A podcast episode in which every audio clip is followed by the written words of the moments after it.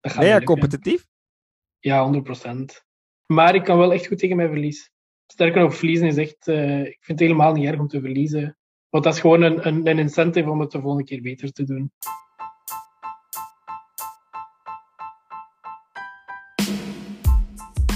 Yes, daar zijn we weer. Nieuwe aflevering. Mijn naam is Maarten Essenburg en dit is de podcast Dit leer je niet op school.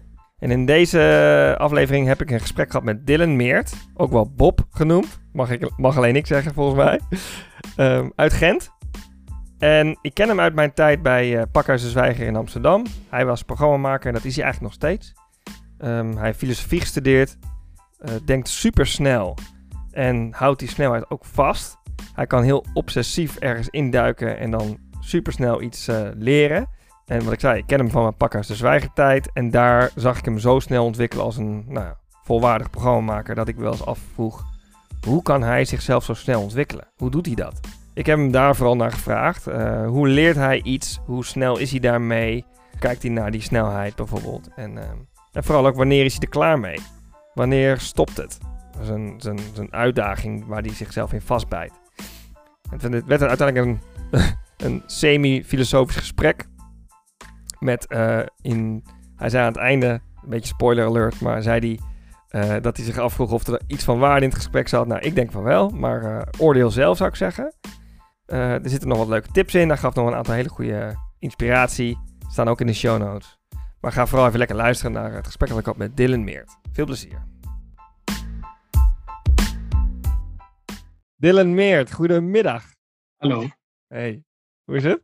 Goed, ja, sowieso. Vind je het leuk om, uh, om dit te doen? Ja, inderdaad. Ja, ik ben best wel excited eigenlijk. Ja? Ik vind het, sowieso, het is sowieso leuk als iemand interesse heeft in wat je doet. En uh, ik had al gehoord van je. Allee, had wij in het begin uh, betrokken bij de opstart van de podcast. En toen dat die opstartte. Ik dacht van, ja, ik vind het wel tof. Ik vind ook wel iets heel typisch jij, Maarten. Wat dan? Leg eens even uit. Wat je, omdat, je, omdat je hebt gewoon een idee en je doet dat gewoon. dat is echt, ik vind dat echt vet. Ja? ja?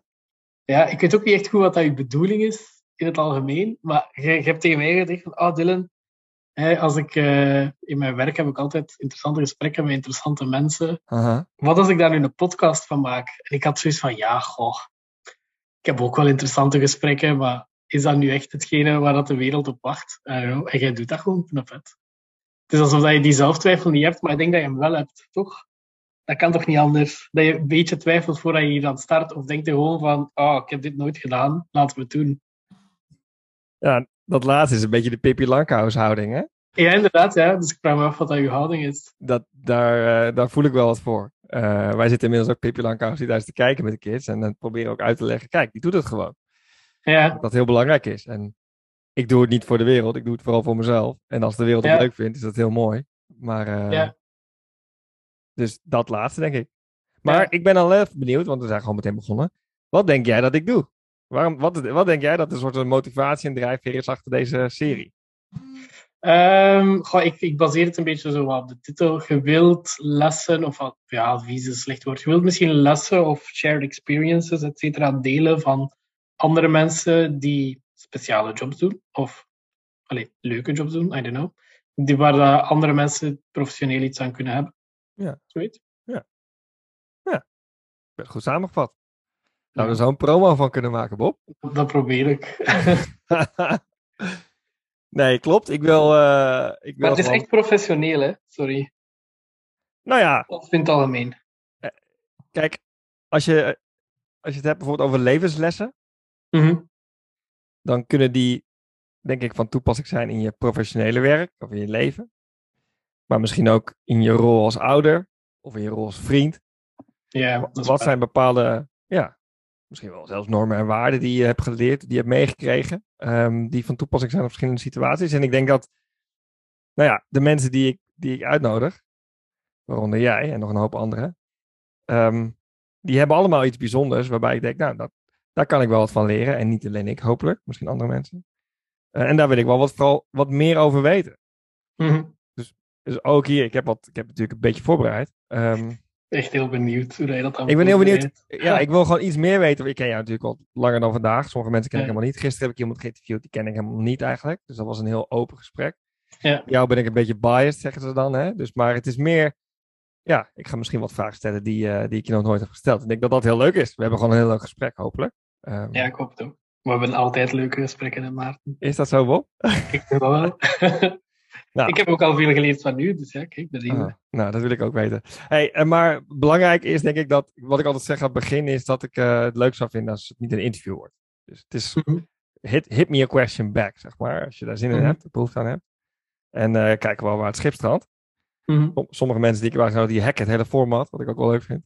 Eh, waaronder, ik ga meteen een brug slaan, jouw oud-collega en mijn oud-collega Jennifer Aardema. Die zei op de eerste vraag die ik jou zou ook gaan stellen, kan je jezelf eh, voorstellen, ging zij iets anders doen. Heb je die eh, aflevering geluisterd toevallig of niet? Ja, ik heb die aflevering geluisterd, ja. Want in die aflevering dropte zij jouw naam. En toen dacht ik, ik ga nu echt Bob uitnodigen. Ja, ik vond het echt heel cool eigenlijk. Wat, verwacht, wat dacht je toen ze dat zei?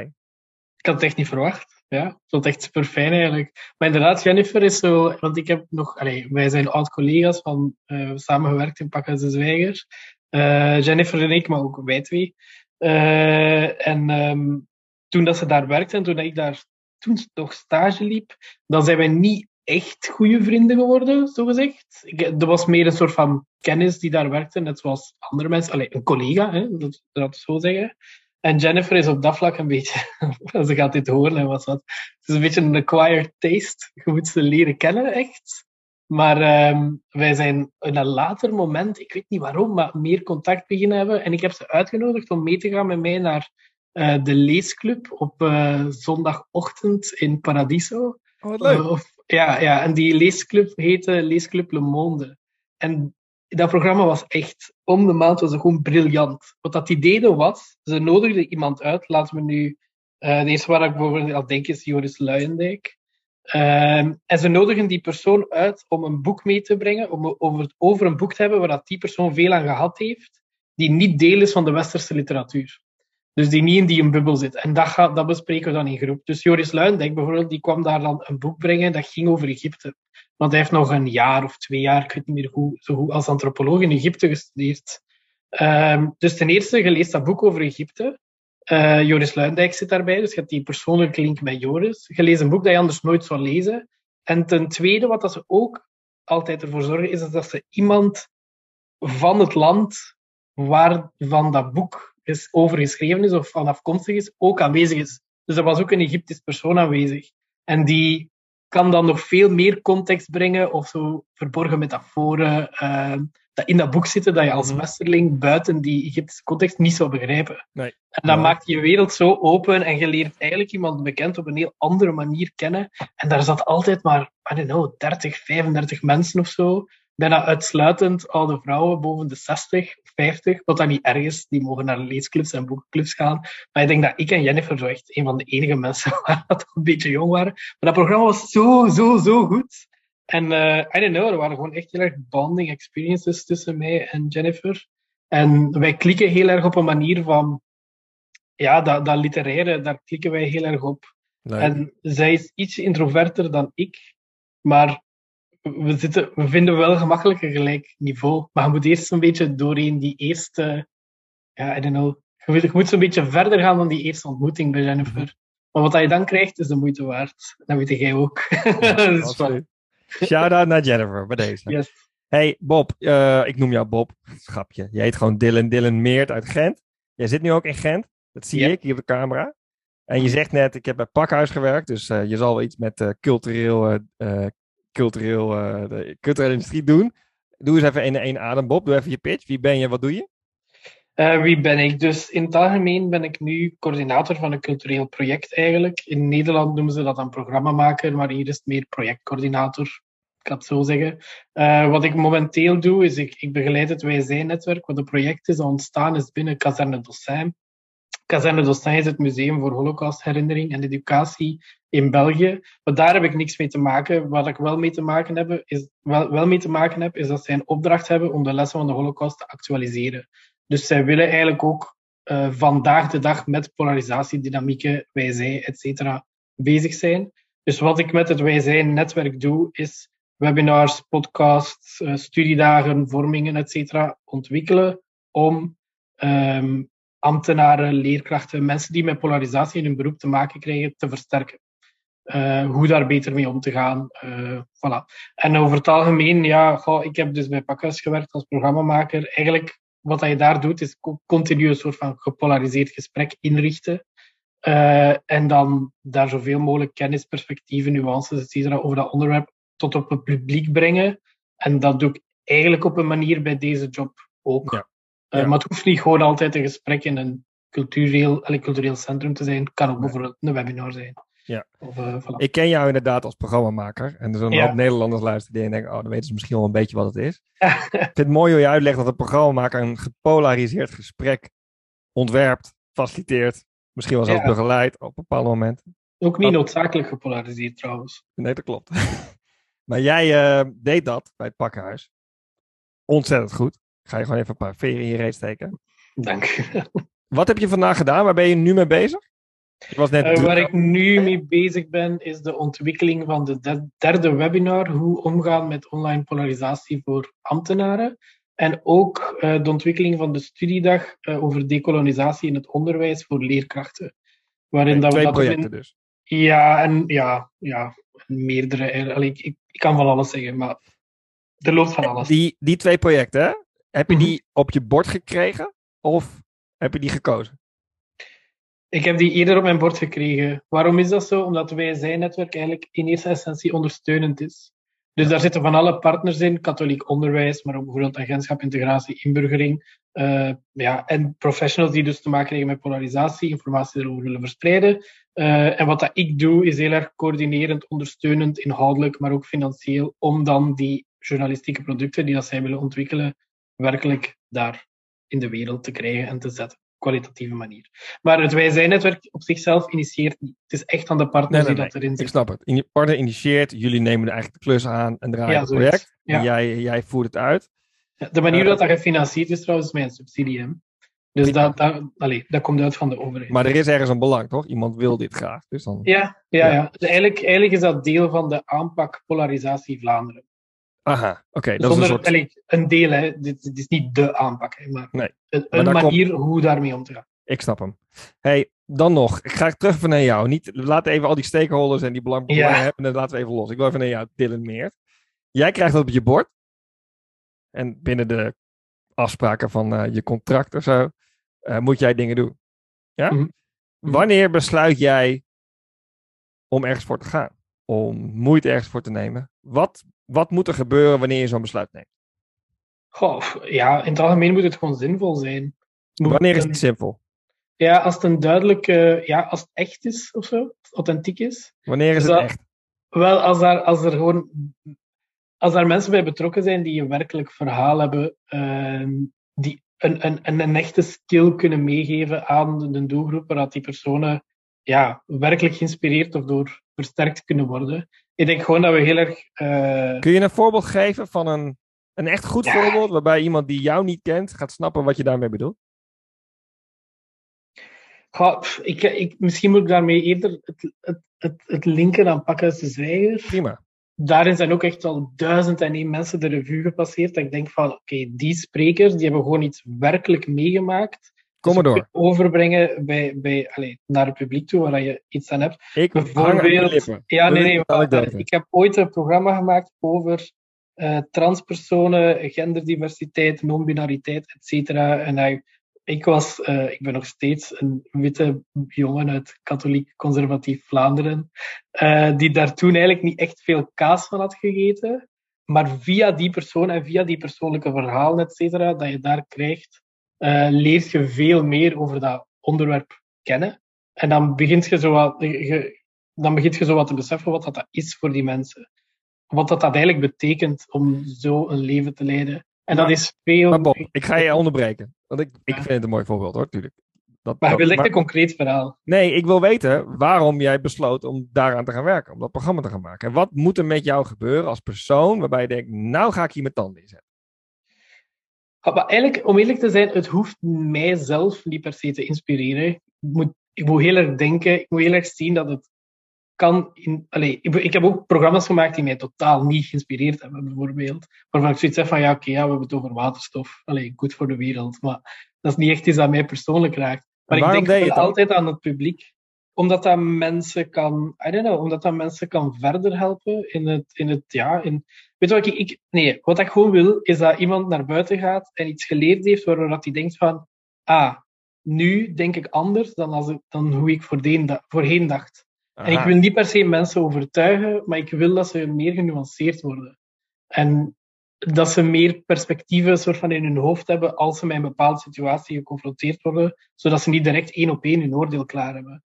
Denk Aha, dat dus dat, je zegt, als, ik, als het mij lukt om met mijn Ja. programma iemand meer perspectieven te geven, ja, zodat Dat is de wereld een beetje beter snapt binnen een bepaald onderwerp, ja, dan is mijn werk zinvol. Klopt dat? ja, ja, ja, ja. ja. ja Wat ma- mag ik nog een doorvraag ja. stellen? Wat maakt dan dat jouw werk zinvol wordt? Dus zeg maar, nee, laat, laat ik het zo zeggen, dat is een verkeerde vraag. Terug. Blablabla. Wat maakt dat het jou lukt om voor Jan en Alleman die in zo'n zaaltje komt, een hoop nieuwe perspectieven te bieden? dat, is vooral, dat is voornamelijk afhankelijk van de mensen die dat je kunt bereiken hè, en die dat je presenteert, de sprekers zelf. En dan is, dat, dan is dat veel meer dan bijvoorbeeld een onderzoeksresultaat eh, te lezen. Mhm. Maar dat is gewoon om iemand iets te horen zeggen. Eh, en zeg je daarmee dat als jij een evenement organiseert, een programma, dat je beter vijf mensen op het podium kan zetten dan vijf rapportjes kan presenteren? Ja, 100%. Kennis is kennis. En dat is allemaal leuk en dat staat in een rapport en dat is onderbouwd, et cetera. Fijn. Maar als dat doorspekt is met een bepaald inzicht of een persoonlijke ervaring, dan, dan komt dat veel beter aan bij mensen. Oké, Bob, we gaan door. We gaan doorvragen. Oké, we gaan langzaam gaan we zo Ja, richting, eh, richting datgene wat ik van je wil leren. Oké, ik zei net al een beetje, toen ik jou daar binnen zag stuiteren, eerst als stagiair en daarna gewoon als volwaardig programmamaker, ging jij snel. Jij ging zo snel dat jij heel snel doorhad hoe dat spelletje werkt, hoe de game werkt, van het maken van Mhm. programma's en inderdaad meerdere perspectieven op het podium krijgen en zorgen dat ze elkaar goed aanvullen, elkaar niet eh, de tent uitvechten, et cetera. Ehm, maar dat had je zo snel door. Wat je net uitlegt, had jij zo snel door. Waar andere mensen daar misschien een jaar over deden, had jij dat vrij rap door. Ging er even snoepen bij de balie en daarna kwam je weer terug. Wat heeft er voor gezorgd dat je dat zo snel oppakt? Oh, I don't know. Ik, ik, eh, ik denk gewoon dat ik een, een algemene kwaliteit misschien is dat ik heel snel obsessief ben in dingen. Eh, dus als iets Waar mij- ben je allemaal obsessief in? Oh, de, de, de- Noem er is wat. nooit een periode dat ik niet obsessief ben. Waar ben je nu obsessief verandert. Schaken. Schaken? ja, om eerlijk te zijn. Ja, schaken. Maar toen was dat heel erg, heel erg professioneel obsessief, laat ik het zo zeggen. En ook gewoon de stad Amsterdam. Hè. Dus eh, ik was toen gewoon gefascineerd door Nederlanders en zo de kwaliteit van het publieke debat daar. Jullie doen dat echt. Jullie hebben echt een debatcultuur. Wij hebben dat niet. Ik vond dat zo nieuw en zo fascinerend dat ik dacht van wauw, op elke manier moet, moet ik proberen hier eh, aansluiting bij te vinden. Staat jouw ja. aan Pakhuis te Zwijgen nog ergens online? Misschien, ik weet dat eigenlijk zelfs Gaan we die even in de show is, jij hebt mij ooit beschuldigd dat ik dat deed als een soort van marketingstrucje. Heb ik om- jij daarin om- beschuldigd? Om een stage te kunnen regelen bij Nee, dat heb ik nooit gezegd, Heb je dat niet waar. Ja, ja, ja, ja. Maar Ik dat vond echt- Master slim, jongen. Zo goed. maar dat was echt, ik was gewoon student en ik was gewoon begeesterd door iets dat ik zag dat ik nooit gezien heb in België en dat ik ook echt enorm mis in België. En dat is niet per se omdat ik, ja, het gaat hem echt om het delen van perspectieven en om uw, uw wereld te verbreden. Het is allemaal heel cliché, maar ik punt is ook, ik wil niet per se meer kennis geven aan iemand. Het moet niet, daar gaat het niet om. Het gaat gewoon over meer perspectief. Wil je nog iemand bedanken van te Zwijgen? oh my god. Eh, duizend en één mensen, denk ik. Sowieso iedereen. paar. Iedereen. Iedereen Ja. I don't know. Ik heb veel, ik heb, eh, veel gehad aan Dimfy, vond ik tijdens mijn stage. Dingen ook. Ehm, Charlie natuurlijk, mijn eerste stagebegeleider, zij vooral eigenlijk. Want echt toen ik binnenkwam, allee, ook als stagiair, ik was, gewoon, ik, was ook, ik was best wel arrogant. Ik ben misschien nog steeds een beetje arrogant. Maar toen zeker. Ik had, hele, ik had veel, I don't know, misschien een beetje zelfoverschatting. En ik vond ook een stagiaire positie heel kut om in te nemen omdat, ja, die ideeën die je hebt, die kunnen misschien wel goed zijn of zo. eh, maar vaak misschien ook niet. Maar ook als je een goed idee hebt, wordt dat vaak toch kritisch bekeken, omdat je het geeft vanuit een positie die eigenlijk op zichzelf al niet veel erkenning of autoriteit krijgt. Is dat iets wat, wat jij ervaart omdat jij niet uit Nederland komt? Of omdat jij... wa- Wat maakt dat je dat, dat, je dat voelt? I don't know, ik denk dat dat toch dat, dat voel ik gewoon in het algemeen misschien. Ik moet wel zeggen dat dat minder in Nederland was dan in België. Dat is waar. Dat is misschien het grootste verschil, vind ik. Ik weet het ook niet hoor. Ik bedoel, ik vraag toch gewoon aan jou. Ja, ik moet wel zeggen, toen ik stagiair was bij Pakhuis, heb ik nooit gedacht van, oh, mijn ideeën worden niet gerespecteerd omdat ik stagiair ben. Dat is waar. Maar toch, uh, uw positie, het idee dat je zegt, wordt, is altijd een beetje gerelateerd aan de positie van waar dat idee komt.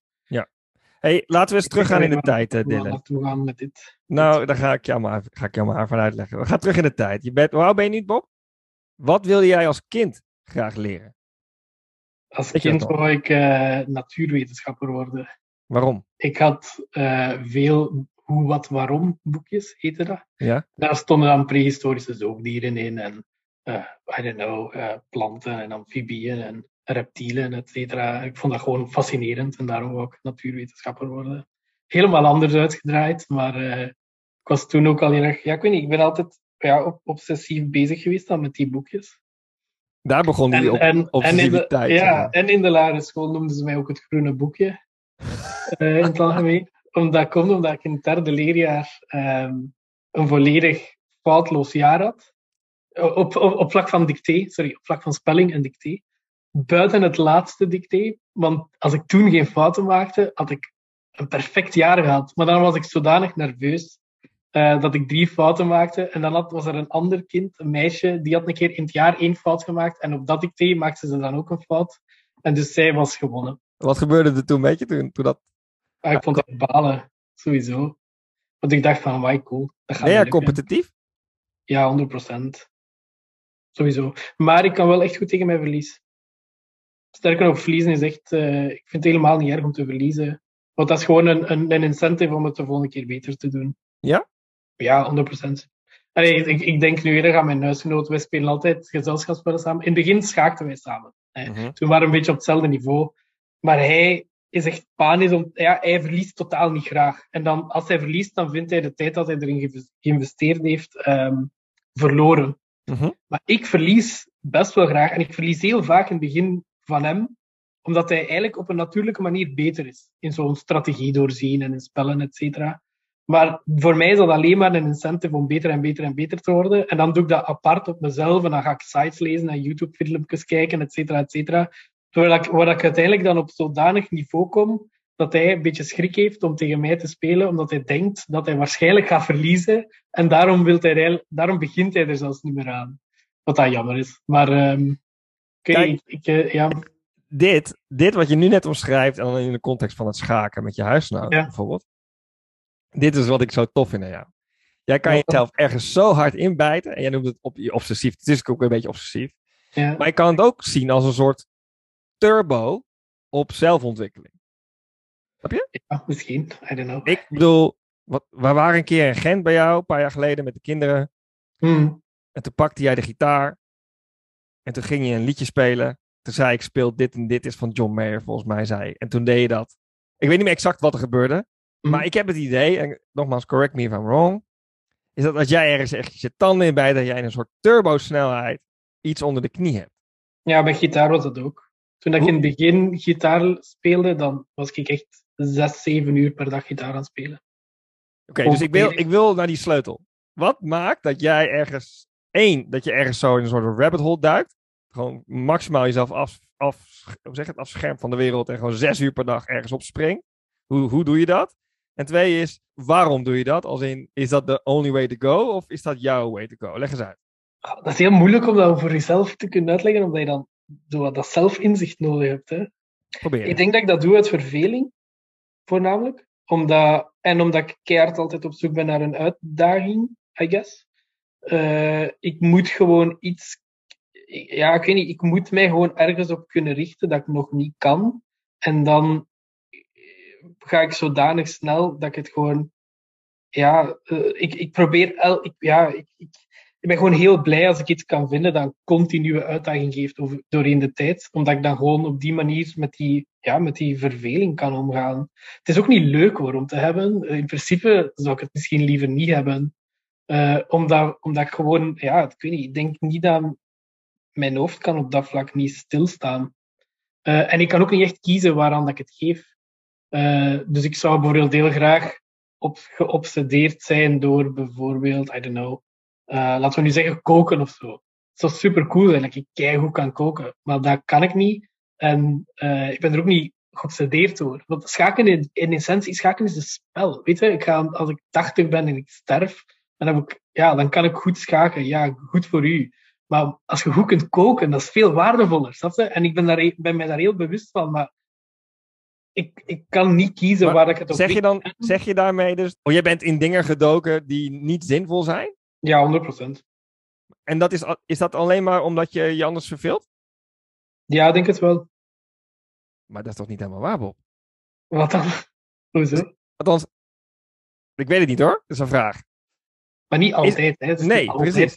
Ben jij wel eens ergens ingedoken? Een bepaalde skill of een soort iets, theorie of zo, waarbij je denkt, ik heb het helemaal gemasterd, na weet ik veel zoveel lange research doen en nu kan ik het ook. En nu is het super waardevol voor mijn werk of voor maar mijn het punt is, eigenlijk master ik het nooit volledig. Dus nee, maar ik master het ten opzichte van de norm. Ik kom, ik kom tot op een niveau waarin dat, om, het, om dan werkelijk beter te worden, dan moet je echt oefenen. Dan, dan zijn zo atleten, uh, allee, dan, dan maar, je... maar, Bob, jij kan beter gitaar spelen dan iedereen die er toen in Gent bij was. Ja? Dus met andere woorden, jij kan dat wat wij niet kunnen. Ja, ja, dat is waar, maar er zijn veel betere gitaristen dan mij. Die werkelijk talent hebben. Ik wil weten hoe. maar dat kan ik niet. Ik kan niet aanhouden. Ik heb, ik heb heel vaak, oh, het is goed genoeg, ik snap het, en dan moet ik verder gaan naar iets nieuws. Oké, dit is interessant. En je zei het ook, Verliezen is een soort incentive om het volgende keer beter te doen, zei je. Maar je zegt ook, ik ga niet door totdat ik de nieuwe George, hoe heet die, eh, meneer Satriani van de Peppers band, zeg maar. Ja, nee, 100% niet. Maar, maar wanneer, wat moet er gebeuren dat, dat dat je dus niet doorzet? Het moet, I don't know, ja, wat moet er gebeuren? Het moet, zoda ja, niet, het moet zodanig moeilijk worden dat ik, dat ik, ah ja, nee, dit is het. Uh, het moet zodanig moeilijk worden dat ik niet meer snel kan ontwikkelen. Dus ah. die beginstappen gaan heel snel. Maar dan op een gegeven moment, bijvoorbeeld bij gitaar is dat ook, ik ben nu met jazzgitaar bezig. Ik moet mezelf echt verplichten om daartoe aan te zetten, want je gaat heel snel in akkoordjes leren, blues spelen, pentatonische toonladder, bla bla bla. Je kunt heel snel nummers spelen, leuk, voilà, bam, je bent daar. Maar daarna komt jazzgitaar en dan komt theorie en meer noten en verschillende schalen en je moet continu wisselen op die gitaar. En dat, dat is werkelijk dagelijkse oefening om dan tot op dat niveau te komen. Uh, ik moet me daar echt toe verplichten bijna om dat te doen, want dat, dat, dat gaat heel traag en daar zit eigenlijk heel veel falen in. Je zei net, je bent heel blij als je continue uitdaging kan vinden in datgene waar je op dat moment in vastbijt. Maar als dat minder wordt, dan ja. zoom je uit. Of als het te veel wordt. Ah. Ja, als het minder wordt, zoom ik uit, maar ook als het te veel wordt. Als ik niet snel genoeg kan ontwikkelen, dan zoom ik uit en dan moet ik mij bijna bewust erbij houden. Dus nu blijf ik bewust gitaar spelen, terwijl dat ik eigenlijk al lang zou gestopt zijn, omdat het eigenlijk, I don't know, te moeilijk wordt. Dus ik vind dat eigenlijk niet echt een gezonde attitude. Nou, laten we eens kijken naar waar je het vandaan haalt. Ik bedoel, inspiratie ja. zit overal in volgens mij, maar waar haal jij dat uit? Waar, wanneer besluit jij om uh, te gaan schaken? Nou, dat, bij schaken specifiek was dat door de Queen's Gambit te kijken, wat ook echt iets heel cliché is. Maar die serie heeft een enorme populariteit, de populariteit op vlak van schaken heel erg gekickstart, laten we zeggen. Uh, en nu is dat echt uh, is het meest bekeken spel nu online op Twitch. Uh, zo wat dat die, die, die mannen streamen. Maar ik ben benieuwd waar jij naar kijkt dan, ja. dat jou beïnvloedt. Dus dit, je doet nu een prachtige serie inderdaad. Ja. Maar wat nog meer? Wel, maar bij schaken was dat misschien, zat er misschien altijd al in. Ik, ik weet ook dat ik als kind daar ook erg door begeesterd was. Mijn vader heeft mij dat geleerd. Waar hou jij inspiratie vandaan, Bob? Uh, ja, een goede vraag. Dat is eigenlijk meer echt gewoon puur toevallige ervaringen. Meestal andere mensen ook. Bijvoorbeeld bij gitaar was dat heel erg uh, een vriend van mij in, in zijn kamer en die had een elektrische gitaar. En opeens klonk dat zoals de muziek die je op de radio hoorde en je kon dat zelf ook maken. Ik vond dat zodanig cool dat ik uh, daar helemaal in verviel. hetzelfde, eigenlijk, je, eigenlijk ontmoetingen met andere mensen mijn obsessie met Pakken ze Zwijger eigenlijk, en die debatcultuur van Amsterdam, dat komt door de ontmoeting met u in, uh, in Mexico, ja, 100%. Ik dacht echt van, holy shit, Pakken ze Zwijger, er bestaat zoiets. Er bestaat een centrum waar mensen samenkomen over onderwerpen, uh, en die mensen hebben allemaal verschillende perspectieven en invalshoeken, en je kunt daar gewoon naar luisteren. En deelnemen aan het publieke debat. Dat vond ik echt ja, bijna magisch. Zeg je daarmee denk- dat, want de meeste mensen die dit horen weten dit verhaal niet, maar ik ben jou in 2015 tegengekomen in Mexico, ergens in the middle of nowhere. En toen hebben wij één of twee dagen samen opgetrokken, wat biertjes gedronken en die heb ik verteld dat ik bij Pakhuis werkte. Toen ging jij naar huis. Ik heb verder helemaal geen invloed gehad op jouw hele aanwezigheid in het pakhuis jaren daarna. Nee, nee, jij nee. ging naar huis en toen ging je daar eens over nadenken. En toen uiteindelijk besloot jij om die ode te schrijven, et cetera, et cetera. Maar je zegt net, ontmoetingen met mensen. Dat Ja, inspireert ontmoeting mij. met mensen, ja, ik denk Ja. dat dat voornamelijk is. Oké. Misschien in dat licht. Wie heeft wat dat betreft, dus welke persoon heb je ontmoet de afgelopen 15 jaar die zulke diepgaande invloed heeft gehad op jouw persoonlijke ontwikkeling? En waarom? Oeh, dat heb ik echt niet on the top of my head. Ehm, Noem eens een naam. Je hebt er vast meerdere. Je noemde net al wat namen bij Pakhuis, maar wat nog meer? ah, het zijn altijd zo wat die deel. Van wie heb je, van wie heb je, heb je echt iets geleerd afgelopen jaren? Oké, dit is een moeilijke vraag. We gaan een andere vraag. Nee, nee, ja, ik vind het moeilijk. Ik kan zo niet echt iemand iets zeggen. Nee, ik heb het niet echt helder. Geef niet, Bob. Je doet het fantastisch. Ik vind het een heel leuk gesprek. We gaan even naar. eh, gewoon, ik wil even naar Bob zelf. Naar wie jij bent en, en waar, waar je voor staat. Wat, eh, wat, wat koester jij het meest op een normale dag? Hm, stabiliteit, denk ik. Wat, wat zorgt voor stabiliteit bij jou? Ik denk dat ik het liefst heb. Ik heb altijd zo wat de, de, de, de perfecte zondagochtend eh, had ik in Amsterdam. En dat was gewoon gezellig opstaan. Ik ben best, best wel een ochtendmens. eh, goed ontbijt nemen, naar buiten of kijken was daarbij, lezen. Wat eet jij als ontbijt? No, eh dat is altijd anders. Wat eet je Dat maakt eigenlijk vanochtend? niet zoveel uit. Eh, twee boterhammen, eentje met salami, eentje met de hummus en een banaan. Dat is altijd iets anders. Dat maakt me helemaal niet uit. Dat is een beetje particulier. Nee, wat ik het meeste waardeer aan een dag... Ah ja, kijk, nee. Wat ik fijn vind op een dag is eigenlijk als ik aan het werk ben, heb ik eigenlijk echt geen nood om met mensen te praten of te zijn op een niet-professionele manier. Dat gaat heel erg kut klinken, maar eh, collega's vind ik leuk, maar ik, ik ben nu echt al dagen thuis aan het werken met al die online meetings, et cetera. Ik vind dat allemaal superleuk. Eh omdat dat eigenlijk weinig energie ehm, slurpt uit mezelf. Ik heb liever... eh, online meetings vind ik ook heel fijn, omdat dat heel professioneel is. Eh, dus als ik aan het werk ben, ben ik echt in die werkmodus en dan hoef ik niet echt per se sociaal te zijn en kan daar ook moeilijk in schakelen. Eh, maar als, als dat gedaan is, dan ben ik wel graag sociaal. Dus echt, Ben echt jij in een de andere, om, ben jij een andere Dylan dan? Als, als je klaar bent met werken? Ja, ik denk van wel, ja, 100%. Omdat ik mij gewoon heel erg kan focussen en heel erg kan verdiepen in die taken dat ik heb. Hmm. Ik kan me daar zelf in verliezen en ik heb het ook nodig om mezelf daarin te verliezen. En ik wil mij ook daarin verliezen. Waar ben jij ontzettend dankbaar voor? Eh, waar ben ik ontzettend dankbaar voor? Ja, to be honest, eigenlijk hoe dat alles al tot nu toe een beetje verlopen is in mijn leven, is eigenlijk echt so far echt de max. I don't know, ik denk... ah ja, Denk je er wel eens over na? Ja, En wat, wat denk je dan?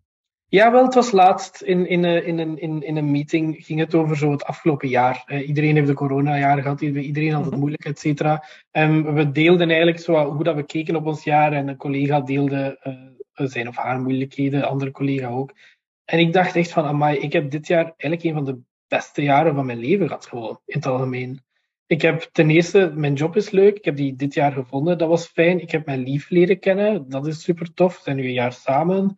Ehm, ik heb een marathon gelopen, dat was vet cool. Ik heb de Mont Ventoux beklommen voor de eerste keer met mijn vrienden. Twee keer in één rit. Want dat was deel van, hè, die, dat, was deel van dat grote, eh, van, die, van dat event. Ehm, ik, heb, ik heb heel die passie voor schaken kunnen ontdekken en daar ben ik dan mee bezig. Eh, I don't know, daar ben ik gewoon echt helemaal heel dankbaar voor. Oh ja, en het is ook, en ook de, de band met mijn ouders. Ik denk dat dat komt door ouder te worden. Maar die wordt ook gewoon steeds beter. Die is nooit echt slecht geweest. Maar ik ga nu gewoon echt doodgraag naar huis. Wat, dat ma- super wat maakt dat die band steeds beter wordt? Dit vind ik, vind ik interessant. Je komt ja, ik denk dat je meer op een gelijk niveau komt, zo Mhm. gezegd. En eh, de gesprekken die je hebt zijn fijn en je respecteert elkaar. En ik vind het ook heel fijn om met mijn vriendin bij mijn ouders te kunnen gaan. Eh, ik merk toch, ik heb hiervoor een relatie gehad, ook in, Amsterdam. Maar ik, wat ik merk is, bijvoorbeeld nu gaan we gaan, gaan samenwonen in juli. eh, met mijn huidige vriendin. Maar het idee om te gaan samenwonen met mijn vorige vriendin, dat, dat, daar hebben we eigenlijk het zelfs nooit echt over gehad. Omdat we toen waarschijnlijk daar nog niet echt aan toe waren, gegeven onze leeftijd. En ook in de back of our heads was dat misschien wel echt zoiets van: ik ben Vlaams, jij bent Nederlands. Ik had wel haar ouders ontmoet, zij heeft wel een keer de mijne ontmoet, maar dat was veel minder. Die relatie die draaide veel meer om ik als persoon en zij als persoon. Mhm. En nu draait mijn relatie om ik als persoon en zij als persoon, maar ook mijn, eh, I don't know, zo wat meer mijn maatschappelijke positie, levensvisie, wat dat we samen op kunnen bouwen, haar familie, mijn familie en de link daarvan. Dus ik vind als ik met mijn vriendin eh, bij mijn ouders ben, vind dat altijd heel erg, dat, dat heel erg verbindend om daar te zitten, omdat je, ik denk dat ik nu begin te merken dat je deel begint uit te maken van iets dat groter is dan je eigen persoon. En als 25, 26-jarige, of toen dat ik in Amsterdam zat, draaide het voornamelijk om mezelf. En misschien is dat dertiger worden. En ik denk dat dat alleen maar groter wordt als je dan echt samen gaat wonen of kinderen krijgt. Dan, dan, dan, dan, dan gaat het niet meer om jezelf, dan gaat het om je, je geheel. of Zo, snap je? Mhm, mhm. Ik denk dat ik dat begin te merken. Eh, en dat vind ik echt fascinerend. Dat vind ik echt eh, heel cool eigenlijk. En dat, dat maakt me heel, heel erg excited voor wat dat eraan komt. Want als dat zeg maar zo wat de key to life is of zo, hè, laten we zeggen. Of als dat zeg maar zo wat die, dat, dat, dat definiërende aspect gaat zijn van dertiger of veertiger of hè, hoe dat volgende, hoe dat er aankomt. Ja, dan? Als dat het dan? is, dat, dat, dat lijkt me echt, echt de max. Op welke manier. Dat, dat is echt iets. Je hebt dat ooit tegen mij gezegd, eh, van dat eerst denk je dat alles gaat over het professionele, en dan daarna krijg je gezin, en dan draait alles om dat gezin en dat persoonlijke. En ik zat toen nog in mijn hele pakjes en stage en, en carrière vibe, en ik had zoiets van, ja, ja, leuk en zo. Maar eh, dat professionele was toen voor mij echt het meest belangrijke. Maar ik, heb, ik voel nu meer en meer hoe dat, dat persoonlijke en dat familiale ook zo een groter aspect aan het innemen is in mijn leven. En eh, ik snap dat je daar meer of eigenlijk evenveel aan hebt dan als dat persoonlijke, als dat professionele deel ook. Ja, ik weet ook niet goed per se wat het precies is aan dat. ehm Nou je zei, aantrekt. of, maar- je zei een minuut of tien geleden, zei- had je het over dat je je, dat je niet in verveling wil komen en dus zoek je een continue uitdaging op en dan ga je helemaal diep in diven. Mhm. Nu, als, je het, als ik dat, even, dat nog even erbij pak bij wat, datgene wat je net zegt, namelijk ik word ouder, ik word bijna 30, ik kom graag bij mijn ouders, heb ik gesprekken met mijn ouders over het leven, neem mijn vriendin mee. Ik voel dat ik nog meer volwassen word en dat ik me ga afvragen wat is, wat is het belangrijkste in het leven. Dat is misschien wel meer dan werk, zeg je. Ja, Ik zie daar wel een soort verband in. Ik bedoel, misschien wil je dat ook wel masteren op een bepaalde manier. Hoe kan je je best... Toch? Je wil een zo goed mogelijk... eh, als ik het goed begrijp, hè, dus aanname, ik toets hem weer graag bij je. Wil je een zo goed mogelijk, een max noem jij dat, levenssituatie hebben vanaf juli, omdat je dan gaat samenwonen? En hoe ziet dat eruit? ja, I guess. I guess. Ja, waarom niet? Komen er dan ook kinderen, bijvoorbeeld? Dat weet ik nu nog niet. dat gaan we nog zien. Hè. Allee, ik Denk je daarover na? dat je, zie, je, Ik denk daarover na, ja. ja, zie je jezelf als En- vader? Ja, 100 procent. Ja? Ik denk dat ik eigenlijk een beetje geboren ben als vader. Oh ja? Ja. Wilde je Ik- vroeger al kinderen, als kind? Zeg maar, zag je Ik jezelf... dacht daar nooit over na. Niet echt. Allee, is nooit dat ik het niet wou. Dat was gewoon niet echt een gegeven. Maar nu wel. Ja, Wauw. ja. Maar meer, meer op het idee van. Ik weet niet, ja, maar ik, ben, ik, ik heb filosofie gestudeerd. Hè, zo, die, zo die betrokken, onbetrokken persoon slash houding. En zo het idee van uw levensvisie en waarden en normen en lessen te kunnen leren aan uw kinderen en zo. Dat vind ik altijd cool. Eh, Wat zijn, wat zijn lessen die je je kinderen zou willen leren? Heb je daar al eens over nagedacht? Ja, ja, goh, ja, heb ik daar al over nadenken. Ik weet niet, zo een beetje de, de, ja, hoe dat je met anderen, ja, ik weet niet. Goh, dat is zo'n heel pakket, Maarten. maar eh, Noem eens wat. hoe dat je met anderen omgaat, ehm, hoe dat je je eigen leven inricht, de stabiliteit creëren, maar tegelijkertijd. Ik, ik zal het anders vertellen. Een huisgenoot heeft mij ooit een keer omschreven als een soort van stabiele avonturier. Dus ik ga op avontuur, hè, zoals die drie maanden in Centraal-Amerika toen ik u ontmoette. Dat was op mijn alleen. Maar het heeft, heel die reis heeft een plan.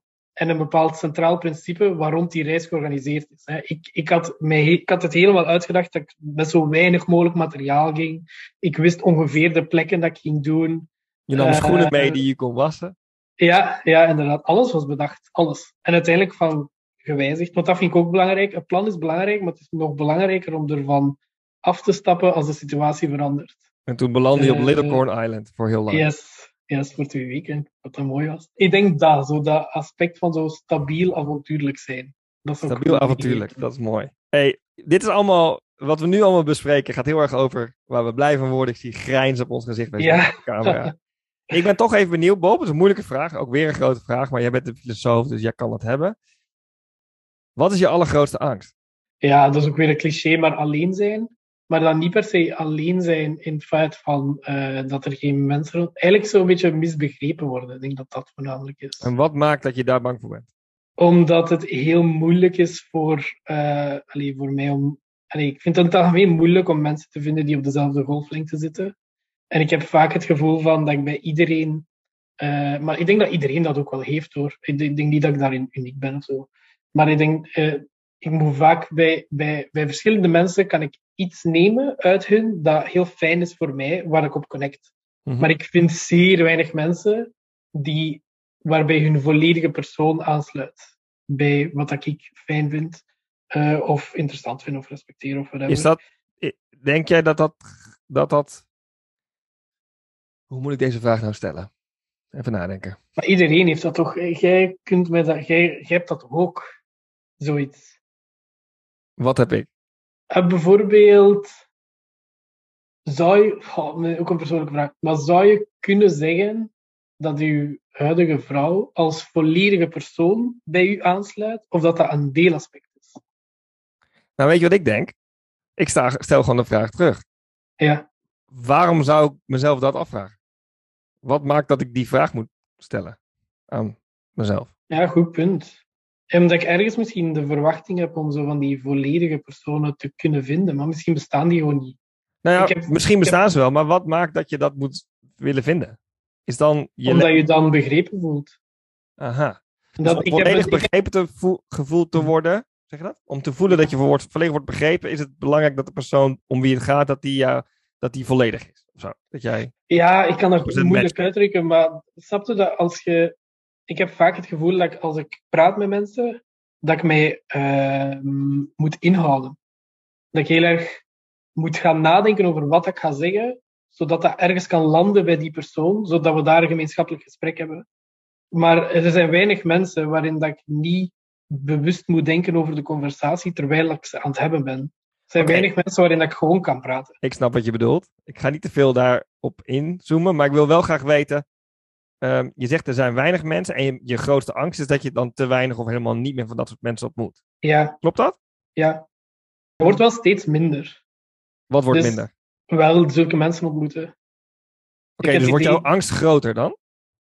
I guess ja, een beetje wel, ja. Maar wat dat wel is, is dat familiale of dat gehele, dat, waar, ik, waar we het eerder over hadden, Mhm. dat, ver, dat, ver, dat, dat, dat, dat vecht wel tegen die angst.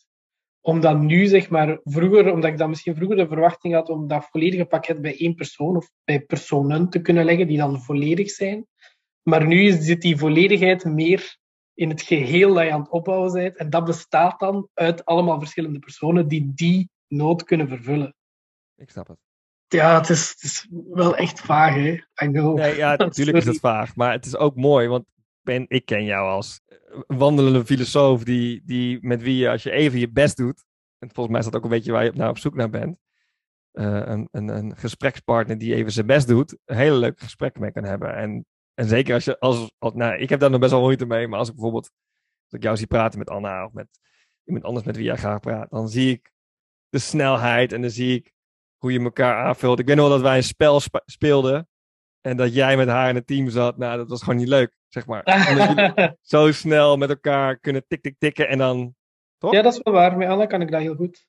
Ja, dat dat maar er zijn vast nog wel een aantal andere mensen in je leven waarbij dat heel snel gaat. En dan, in mijn ogen, en dat is ook nogmaals een check, dan floreer jij en dan heb jij het idee, ik heb een soort connectie met iemand. Klopt dat? Ja.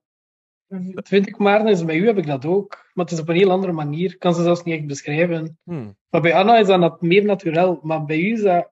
Er, zit een, allee, er is sowieso een kant aan u dat, dat, dat niet klikt bij mij. Maar Welke kant is ik, dat? heb, ik heb vaak het idee... Ik heb het idee dat je daar zo wat overstijgt of zo. Ik weet niet, ik denk, ik denk moest jij Anna niet gekend hebben of niet leren kennen hebben, dan zou je dat niet doen, denk ik. De, de kant, de kant de, die kant van u die dat is, is misschien zo wat dat, dat, dat Nederlandse recht door zee, avontuurlijke, we gaan gewoon dit doen en ba en zo. Heel erg, jij bent veel sneller dan ik in gewoon dingen doen. Uh, en je bent veel meer op doen gericht, eerder dan reflecteren.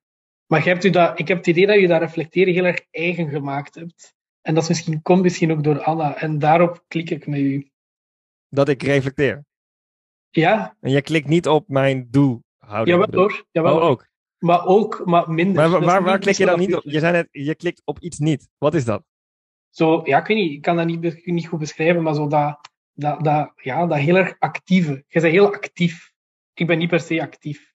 Zo, ik, uh, en, en ja, zo dat actieve, dat concrete, dat, ja, voilà. Het, het zit misschien, kijk, weet je wat goed, goed, goed voorbeeld is? Ik weet niet of je dit dan zo in de podcast zou willen, maar dat is omdat ik uw familiale situatie ken. Maar bijvoorbeeld Joost. Hè, Joost, is, is, Joost heeft exact dat. Die is ook zo heel erg actief en recht door zee. En, je bedoelt mijn tweelingbroer? Ja, exact. exact. Ja. Maar die heeft Anna niet. Dus die mist die kwaliteit, uh, zo dat, dat, dat, dat losse, reflectieve en meer empathisch zou ik zeggen, denk ik. Hoewel ik misschien niet per se... Zo wat reflectief analytisch. Ik ga het zo zeggen. Ja, reflectief analytisch. Dat mist Joost veel meer dan jij. En ik denk dat dat komt door Anna. En daar klik ik enorm op. Ik vind dat, ik weet niet hoe cool aan een persoon zoals u dat heeft. Want meestal hebben personen zoals u dat niet. Uh, je hebt u dat heel erg eigen gemaakt en dan doe je dat op een heel... Allee, dat reflectief analytische vulde dan in op een heel uh, integere en unieke manier of zo ook. Want je, je wilt er altijd iets, iets uithalen. En dat is misschien hetzelfde met deze podcast.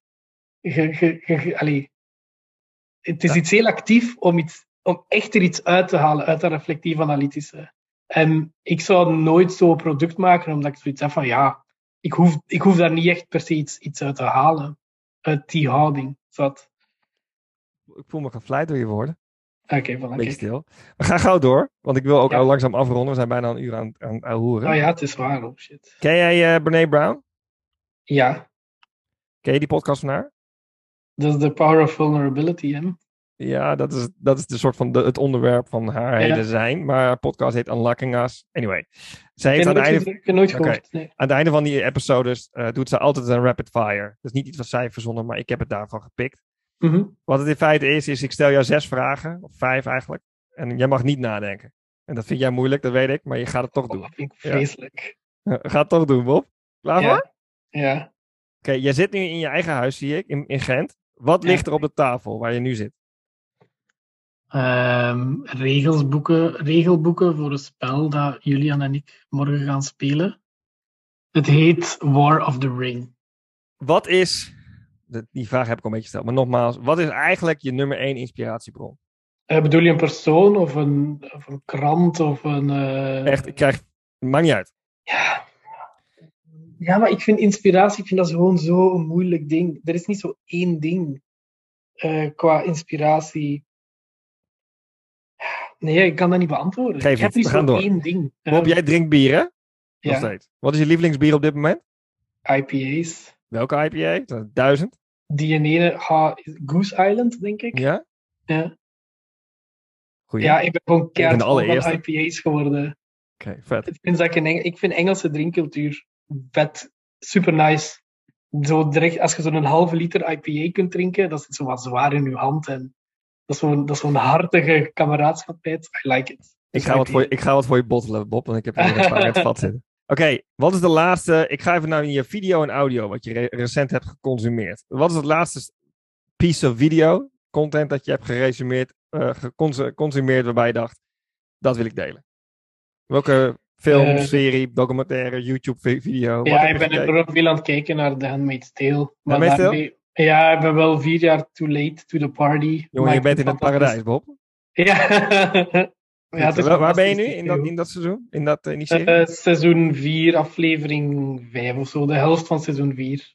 Er zijn ook mensen die dan met Steel nog niet ge- gekeken hebben, die luisteren. Precies, dus- die moeten nu gaan kijken. Oké, Ja. eh, wat waar waren we? We waren bij de video. Nu naar de audio. Wat is audio waar je naar luistert, waarbij je dacht, dat wil ik delen? 100%. Wat, sorry? Big Thief. Big Thief? Hebben, ja, Big Thief. Die hebben een nieuw album met New Warm Dragon Mountain, I Believe in You. I don't know. Het is gewoon heel unieke muziek.